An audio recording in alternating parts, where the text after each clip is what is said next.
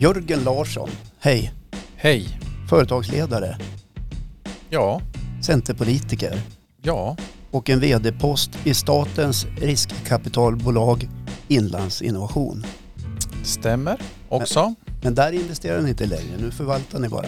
Ja, sen några år tillbaka. Den fonden ska ju stängas så det innebär ju att vi har, eh, då blir det ju förvaltning och så säljer man ju av bolag eftersom. Så Ja. kan man säga. Du var också med och grundade företaget H1 Communication. Ja, som tidigare var börsnoterat. ja, Ja. det var ju ett projekt vi gjorde på den tiden jag var där. Absolut, noterade det bolaget. Varför är det inte börsnoterat längre? Nej, det finns ju nog många anledningar till det men eh, det är ju inte alla gånger det är en fördel att vara noterad heller. Det var väl det under en period och sen kommer det perioder där det inte är det beroende på hur man finansierar bolaget och vilken ägarstruktur som finns och så. Vi pratar business. Ja, Du ska vara välkommen hit. För Tack. den här podden ska ju försöka ta ett grepp om, med hjälp av dig då lite grann, och även Martin som är här. Dig ska vi säga hej till också. Hej, hej. Martin Johansson som är projektledare för uh, Jämtland Härjedalen Turisms podcast. Som ska handla om eh, besöksnäringens roll för regional tillväxt. Det här låter lite byråkratiskt, det kan man ju säga direkt. Och du känner säkert igen det i din roll som regionpolitiker. absolut. Ja, det Och- första du tänker på när du hör begreppen, vad, vad är det? Ja, det är väl eh, om vi tar ur Region Jämtland Härjedalens perspektiv är ju besöksnäringen en av våra största industrier, om inte den största industrin eller bransch beroende på hur, vad man vill benämna den. Så det är ju självklart att den är jätteviktig. Du har ju en eh, bred erfarenhet från näringslivet med flera starka bolag och så vidare. Men eh, om du, har du någon gång varit verksam inom själva besöksnäringen? Ja, det har jag. Vi har ju haft några bolag inom eh, Inlandsinnovation där vi har haft stort ägande, eh, bland annat Grönklittsgruppen som har campingar runt om i hela Sverige plus att de driver skidanläggningen i Grönklint, Orsa Grönklint men även då Tändalen. Men vi har också förvaltat ägande i Branäsgruppen som bland annat har Kungsberget och hela Branäsområdet. Och vi har varit inne i Kittelfjäll med ett ägande och lite sådana saker. Så att ja, jag skulle nog säga att jag har kommit i kontakt med branschen. Mm. Och, och när du säger det här så tänker jag geografiskt i huvudet så här att Jämtland blir som ett, ett vakuum däremellan. Kittelfjäll och, och Branäs. Och, Ja, det blir ju det. Och det har väl lite att göra med att Jämtland är väl lite skistarland, så kan man väl säga. Men var det inte läge för konkurrens då tyckte ni? Fanns det ingen som... Eh, Eh, ja, hade, pitch, det, liksom? hade det funnits, nu var vi inne i Tändalen, Grönklintsgruppen Ja. är ju inne i Tändalen till exempel, eh, hela det området, Hamra.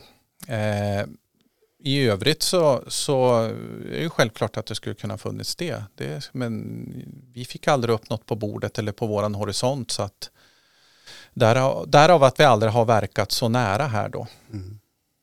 Eh, jag blir lite nyfiken i och med att du sitter i ett stort statligt eh, eh, riskkapitalbolag. Liksom hur, hur fungerar det? Kommer man till er som i, i, i Draknästet historiskt då, om vi pratade det, och pitchar sin, sin grej och sen går ni igång eller?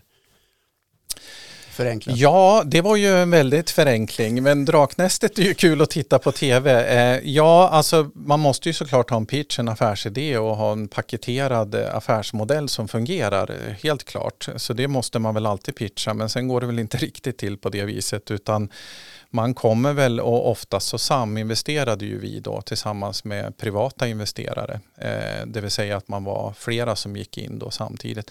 Eller så gick man in eh, med entreprenören själv, det vill säga grundaren. Mm. Men det är självklart en stark pitch måste man ju alltid ha om man ska locka till investeringar. Mm. Och vi skulle ju agera helt kommersiellt affärsmässigt så att jag menar vi agerade ju på marknadens villkor. Fanns det då ingen, ingenting i era direktiv som pekade på just regional tillväxt eller regionpolitik eller Nej, inte mer än att vårt begränsade område var ju då eh, framförallt eh, från Värmland upp till Kiruna kan man säga och så inte Stockholm, Örebro och de områdena utan om du tar från Värmland eh, söderut upp till Kiruna. Så det fanns ju en viss geografisk markering där. Men inte ett tydligt regionalpolitiskt uppdrag i den bemärkelsen att vi skulle investera för den skulle utan investeringarna skulle stå på egna ben, Mm. affärsmässiga grunder. Eh, fanns det då nå- några eh, andra besöksnäringar än de vi har pratat om hittills som var intresserade av att hitta riskkapital hos er under tiden det begav sig? Oj, alltså vi hade ju hundratals eh, förfrågningar och bara så ni får lite perspektiv. Vi, hade ägande i närmare 70 bolag eh, när vi hade som mest bolag i våran portfölj. Mm. Så självklart eh, har det nog funnits det. det. Det gjorde det nog. Och då skulle jag säga att det framförallt lite har att göra med fastighetsutveckling och sånt. Hur mycket kapital fanns det att investera då? Två miljarder. Så det, det fanns, det fanns lite. Pengar. Ja, det, ja. det är mycket pengar. Allt är ju relativt i och ja. för sig, men det är klart. Det beror på hur man räknar. För mig är det mycket. För dig då Martin, är det inte? Hel del. En hel del. Ja, ja. Men behövs det inte en, en investeringsfond för, för skogslänen och Norrlands inland? Och, särskilt för besöksnäringen då? Ja, alltså det är klart att det, det, det är väl en idé eh, av många. Eh, men om man skulle specificera den på besöksnäring och så, det vet jag inte. Men däremot så skulle det väl vara önskvärt om det fanns fler fonder som var aktiva i skogslänen, om vi nu pratar Norrlands inland och de områdena. För vi har ju en viss brist på den typen av kapital. Mm. Så är det. För, varför jag frågar som jag gör, det, kan det vara så att att för att skapa regional tillväxt, man kan sitta på en idé eller man kan ha till och med en bra pitch men man kanske saknar kapital. Eh, och vart hittar man det när bankerna är lite njugga eller investerare drar öronen åt sig? Eh, förstår du vad jag menar? Ja, ja, absolut. Men då ska man ju komma ihåg ändå att gör man investeringar och vi pratar riskkapital ur den här aspekten vi pratar om nu så ibland finns det ju kanske eh, godtagbara anledningar varför man inte får låna pengar eller kan eh, då attrahera eh, privat kapital. Det är ju helt enkelt därför att man inte har en affärsidé som håller eller en affärsmodell eller vad det nu kan vara. Eh, så det måste man ju alltid komma ihåg. Men helt klart att det skulle ju hjälpa därför att du kan ju då växla upp kanske privata investeringar på ett sätt som man annars inte skulle kunna göra om nu staten skulle komplettera med riskkapital exempelvis. Då. Mm. Och sen vill jag ju tydliggöra då när vi pratar om det här, ibland blir det lite missuppfattningar för det här är ju inte stöd eller bidrag. Det är ju alltså pengar då som ska investeras, blir ägarandelar, kommer tillbaka med en avkastning. Det vill säga att du ska också tjäna pengar på den investeringen. Ja. Och vad eh. brukar kraven vara högre än bankräntan som är noll? betydligt högre skulle jag säga om vi pratar riskkapital och det är ju, det är ju hur långt det är ett snöre beroende på var man befinner sig i tidiga skeden eller mogna skeden eller vad man nu är. Men jag menar, eh, jag menar alltså, du måste väl kunna kasta om det ska vara på kommersiella grunder någonstans åtminstone 15 procent per år om du skulle slå ut det. Mm. Och det är kanske rimligt i den branschen? Ja, det är, väl bara, är lite... det är väl bara att gå till dig själv. Om du skulle ta stora risker med dina pengar vill du väl ha någonting tillbaka. Det är ju det det handlar om. lite. Jag ligger nog mer på minus 15.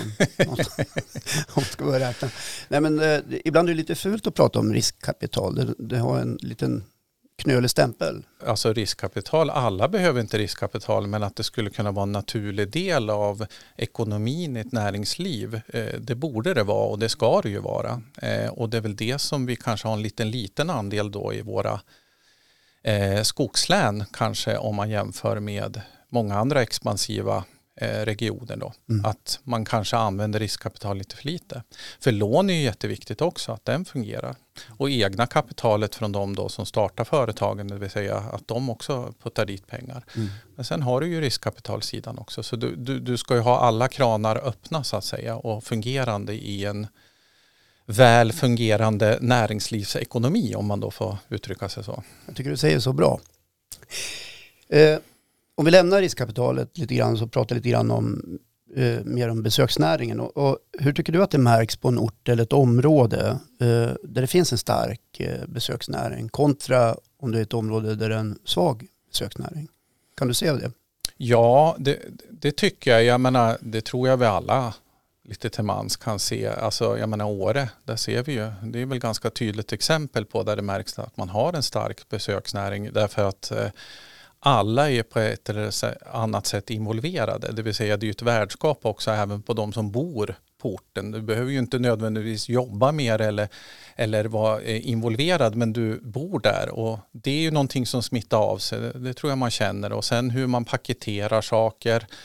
Alltså att man ser att det finns många samarbeten. Det är lätt för en eh, person som kommer dit. Det vill bara gå tillbaka till oss själva om vi åker till några andra turistorter i varmare länder så märker man ju också den skillnaden. Om det finns paketerade erbjudanden, om det är lätt för mig att hitta saker och komma ut på sådana saker kontra där det inte är det.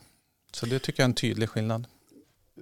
Det är inte sällan Åre lyfts som ett exempel i våra poddavsnitt, eller hur Martin? Det, det händer nästan varje gång eh, att man pekar just på, på Åre. Men det finns ju andra orter i vår region till exempel. Vi har Ragunda, Hammarstrand, vi har Bräcke. Vi har andra mindre små kommuner där, som också pysslar med besöksnäring. Eh, vad är det som saknas där för att man ska liksom få den här rejäla utväxlingen på att det också blir en regional tillväxt i form av inflyttning och samhällsservice och sådana bitar. Jag höll ju på att skämta till det för när du ställde frågan så det första jag tänkte ja de saknar ju en åreskuta, de ja, saknar ju ett berg. Så kan det vara men man kan ju ha andra värden som går att exploatera. Absolut och, och det tror jag har att göra med traditionen. Jag menar Åre har ju varit igång väldigt väldigt länge. Jag menar jag kan inte året, jag vet inte om du Martin har koll på när de började liksom men det var väl när järnvägen byggdes så började det kliva av folk där och skulle andas luft. Det var väl det första. Så det är ju självklart att tradition tradition och kultur i ett samhälle är ju det första man kommer att tänka på som jag tror ganska naturligt. Mm. Som man då inte har haft i de här andra kommunerna. Men sen då ger ju, det ena ger ju det andra så det ger ju starka entreprenörer inom det här segmentet besöksnäring och det är väl det man inte riktigt har lyckats bygga upp i de här andra kommunerna om vi pratar region Jämtland Härjedalen i de exemplen du tog skulle jag säga. Mm. För de har ju de har ju jättemycket bra tillgångar som de kan erbjuda. Självklart är det så, men de får ju aldrig kanske riktigt fart på alla ställen på det här. Men det tror jag har att göra med det. Det, det krävs ju entreprenörer som, som har, har levt det här på något vis och andats det. Mm. Eh, vi vet ju att det finns entreprenörer där ute. För nu landar vi tillbaka i kapitalet tänker jag. Mm. Eh, om det då fanns ett riskkapital eh, för de här mindre aktörerna som också jobbar på att skapa någonting som i slutändan kan ge regional tillväxt. Eh, hur skulle det hjälpa? Är riskerna mm. för stora eller? Jag tror kanske inte att riskkapital beroende på hur man nu definierar det för då skulle ju någon säga jo det skulle det visst göra men alltså riskkapital tror jag inte är liksom någon eh, möjliggörare för att få igång de processerna. För att det är ju tidiga skeden, det krävs entreprenörskap. Riskkapital kommer ju oftast in lite senare i, i, i processen när man är lite mer färdig och så. så att, men däremot så tror jag ju att eh, då kommer vi in mer på det här med kanske eh, riktade stöd eller, eller den typen av, av aktivitet då för att då hjälpa igång om det skulle vara Mm. En tanke jag hade. Eh, samverkan över kommungränser, skulle det kunna vara någonting som gör att vita fläckar kan ta del av eh, vi har flygplats i Östersund, vi har tågstation, centralstation Östersund. Kan man få ut gästerna från Östersund utanför kommungränserna till Bräcke, Ragunda till exempel? Mm. Där har du ju typexempel eh, på saker som inte görs idag i någon större omfattning men som jag tror skulle göra skillnad. Och det handlar ju om att paketera och det handlar ju om för då pratar vi lite logistik och sådana saker, att det ska vara enkelt för den som bor på hotell till exempel i Östersund, för vi har ju många hotellrum i Östersund, att man på ett enkelt sätt kan ta sig till Ragunda eller Bräcke eller Strömsund eller vart det är nu man ska på dagsutflykter eller ett dygn eller vad det kan vara.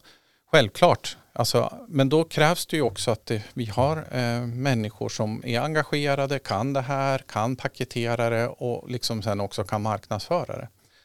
Och det är väl de bitarna man kanske saknar lite av. Lite så. Men är det galna entreprenörer, galna, du fattar vad jag menar, någon som vågar spänna bågen lite grann och se bortanför eh, klagomurar och, och, och olyckskorpar och, och annat?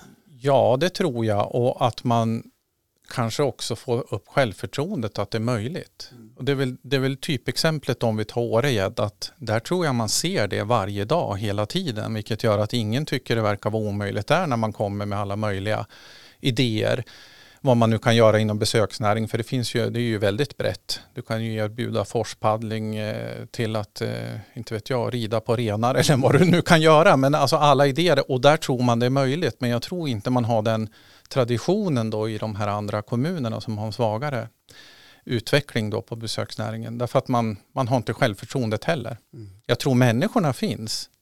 Men det är självförtroende kanske som måste till också.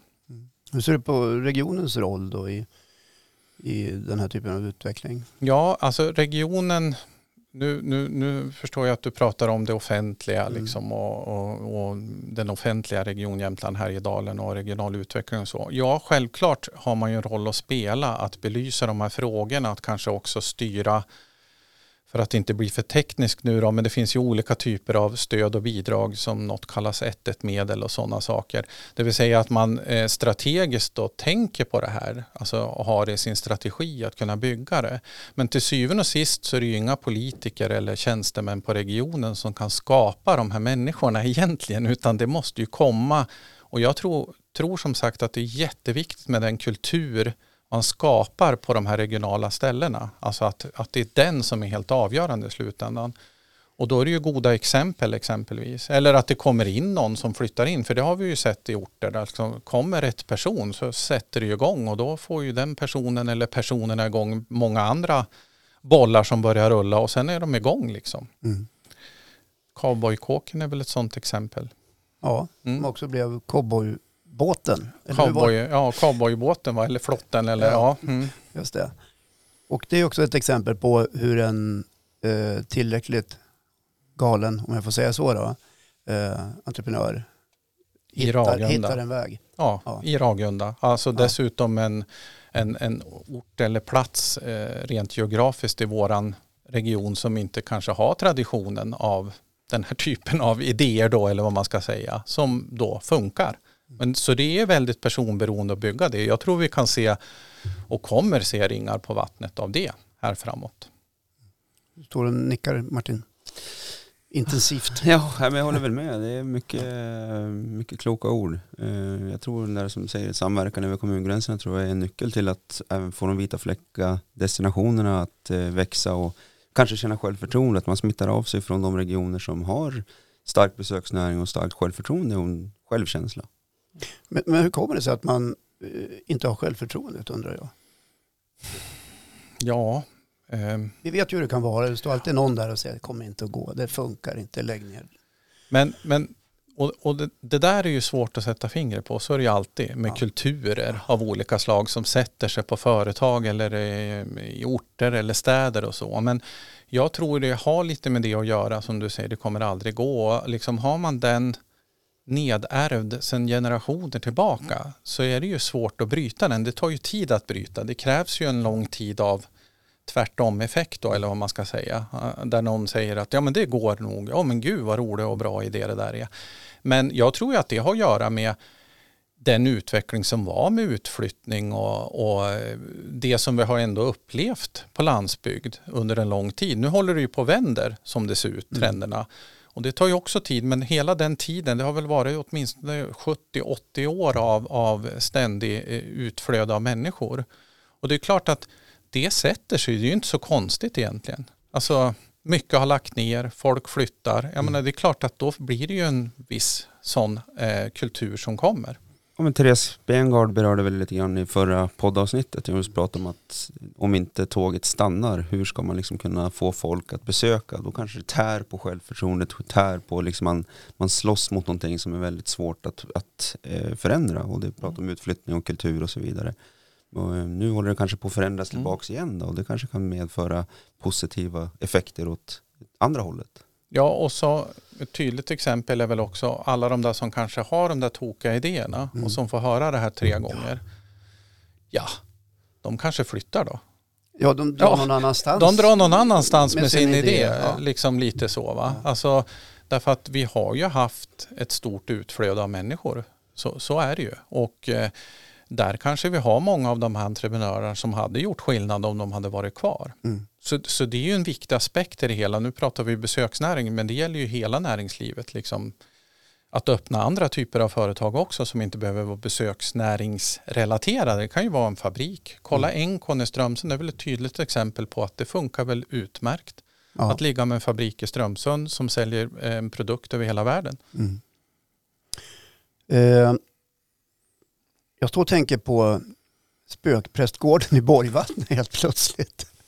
eh, eh, eh, det är också en sån här tillräckligt eh, halvgalen eller vad man nu ska kalla det. Spöken eller inte, jag vet inte. Men det satte Borgvattnet på kartan och är Mm. väl fortfarande ett rätt så attraktivt resmål för de som vill uppleva det. En sån enkel grej. Men han som drog igång det eh, stötte säkert på en massa patrull innan de första gästerna. Men han hade också byggt en bra story kring den här prästgården. Nu låter det som att jag tror inte att det spökar där. Det, alla vet ju att det gör det. Jag ni tror att det gör efter? det. Jag vill säga det till de som lyssnar i Borgvattnet. Jag är helt övertygad om att det spökar. Ja, okej. Mm. Men alla de här storiesarna finns ju där ute, eh, bara redo att fånga upp ifrån människor som, som bor på orten. Abs- absolut. Ja. Och, och Borgvattnets varumärke är väl just prästgården och eh, spökturism då, om vi får kalla det det. Eh, det är ju ett roligt namn också men alla sätt är ju bra utom de dåliga, alltså om man ska använda det. Och där har du väl ett typexempel ändå på en fläck då i, inom Ragunda då som har lyckats då sätta ett varumärke just gällande deras tillgång som då var den här eh, prästgården och Mm. spöken. Mm. Jag tycker Verkön i Östersund nu eller i Storsjön är ett lysande exempel på en sån ny sak som är paketerad med Ja, du kan köpa båtresa på Tomé, åka ut och erbjuds en helhetsupplevelse och, och den storyn som också är ute på Verkön med hur det byggdes, att vi ändå har ett litet minislott där ute och hela den biten. Där har du ju ett tydligt exempel till. Säg att vi hade haft liksom hundra sådana runt om här, ja då skulle du ju verkligen sätta igång stora hjul att rulla. Ja. Eh, vad tycker du är styrkan då egentligen här i Dalens besöksnäring? Och vi kopplar tillbaka till riskkapitalet igen. Om du hade en miljard på fickan och var en eh, investerare, vad, vad skulle du vilja gå på? Du får inte gå på Åre. det, det, det, det är väl det första man skulle svara. Åre eh, 1, Vemdalen 2, Tänndalen 3. Liksom. Liksom, det, det är ju inte så konstigt, det är ju bara att se den utveckling som är på fastighetsmarknaden, även på privata sidan, liksom vad, vad sportstugor annat går för sportstugor. Ja, väl lå- hur låter det? treplansvillor.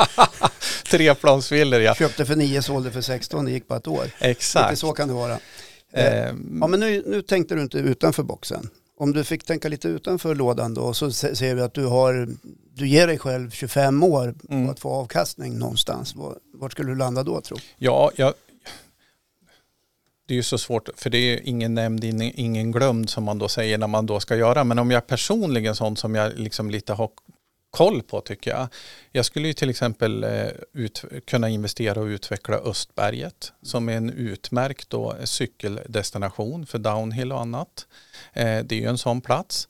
Sen har vi ju då eh, det de håller på med nu vet jag, men sen vet jag inte hur mycket kapital och så det går in i det. Men det är ju eh, hela den rådelkälkbaneanläggningen i Hammarstrand.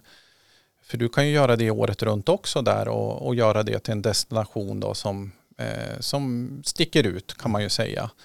Så det är väl två exempel jag kommer på rent spontant sådär som är intressanta. Ja, jag kanske satte dig på det hala där lite grann men jag tyckte vi kunde göra det lite grann. Absolut. Jag tyckte du klarade det bra. Eh, Just Rådelbanan i Hammarstrand är ju också för, starkt förknippad med orten och det, det känns som att man aldrig har gett upp kring råden i Hammarstrand. Hänger ni med vad jag menar? Mm.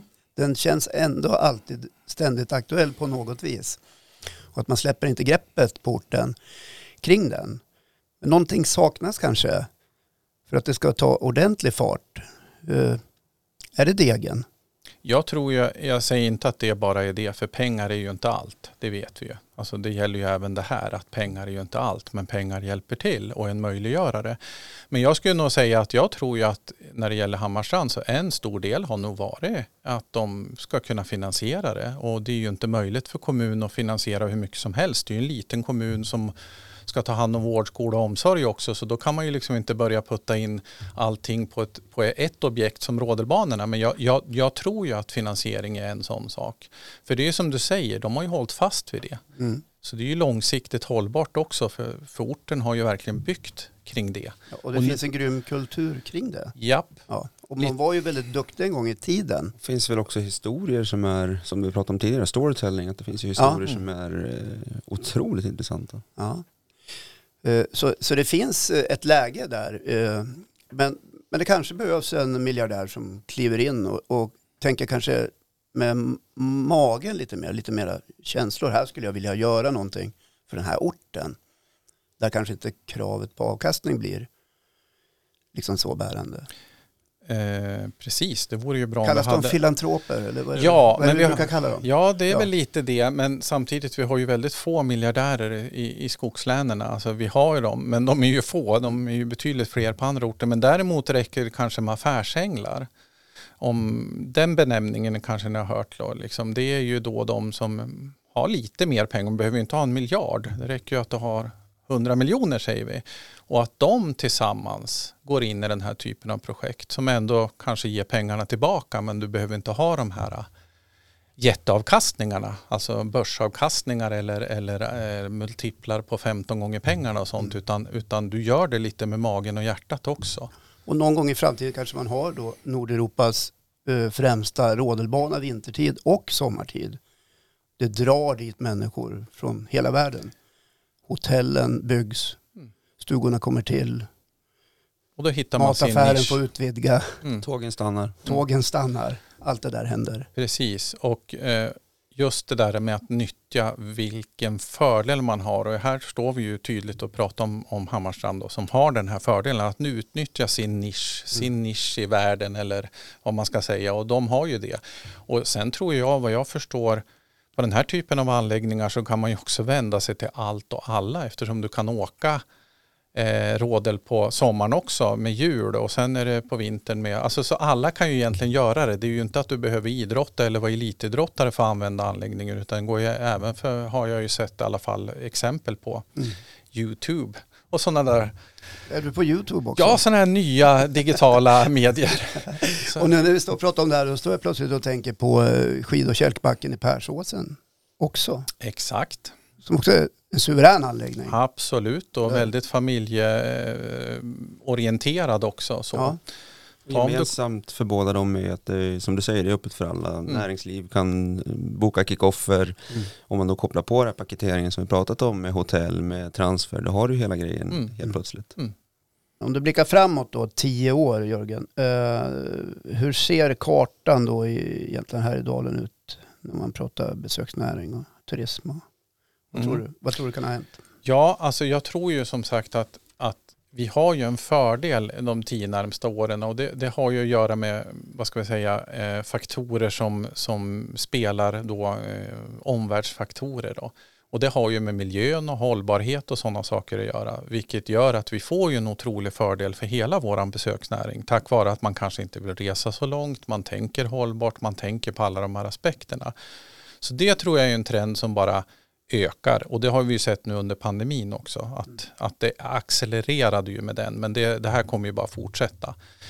Och det ger ju otroliga möjligheter och, en stor potential för alla kan ju inte åka till Åre och alla kan ju inte åka till Vemdalen. Det innebär ju att det finns stora möjligheter för andra såklart att också då öka sina marknadsandelar och ha en mycket hjälp naturligt såklart. Men man behöver ju fortfarande professionalisera sig. Liksom. Det, det, det, det, kommer ju aldrig, det kommer man ju aldrig ifrån. Och jag tror ju om vi tittar på tio års sikt så tror jag att Åre har vuxit eh, kanske till det dubbla. Jag tror Vemdalen och, och det området är ju samma sak. Alltså, och nere Tänndalen och Härjedalen, alltså Funäsdalsområdet. Att de tre starka, ska vi kalla orterna vi har idag Eh, när det gäller vinterturism, de tror jag är ännu större och ännu starkare. Och ännu mer människor eh, som vill resa dit. Eh, sen så tror jag, jag, om vi nyttjar de här eh, som vi nu har börjat prata om och att man har kommit igång. Jag tror ju att vi kan sprida den här eh, kulturen som ringar på vattnet då till andra orter. Det, det tror jag fullt och fast att det kommer ske. Tack vare att trenden är så stark. Mm.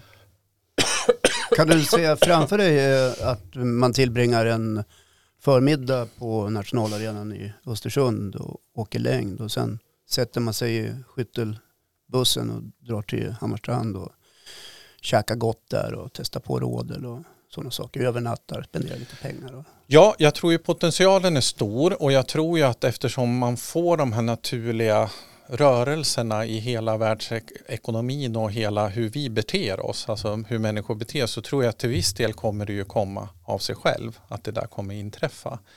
Men jag tror samtidigt att de starka orterna kommer bli ännu större och starkare. Det tror jag är en tydlig trend de närmsta tio åren.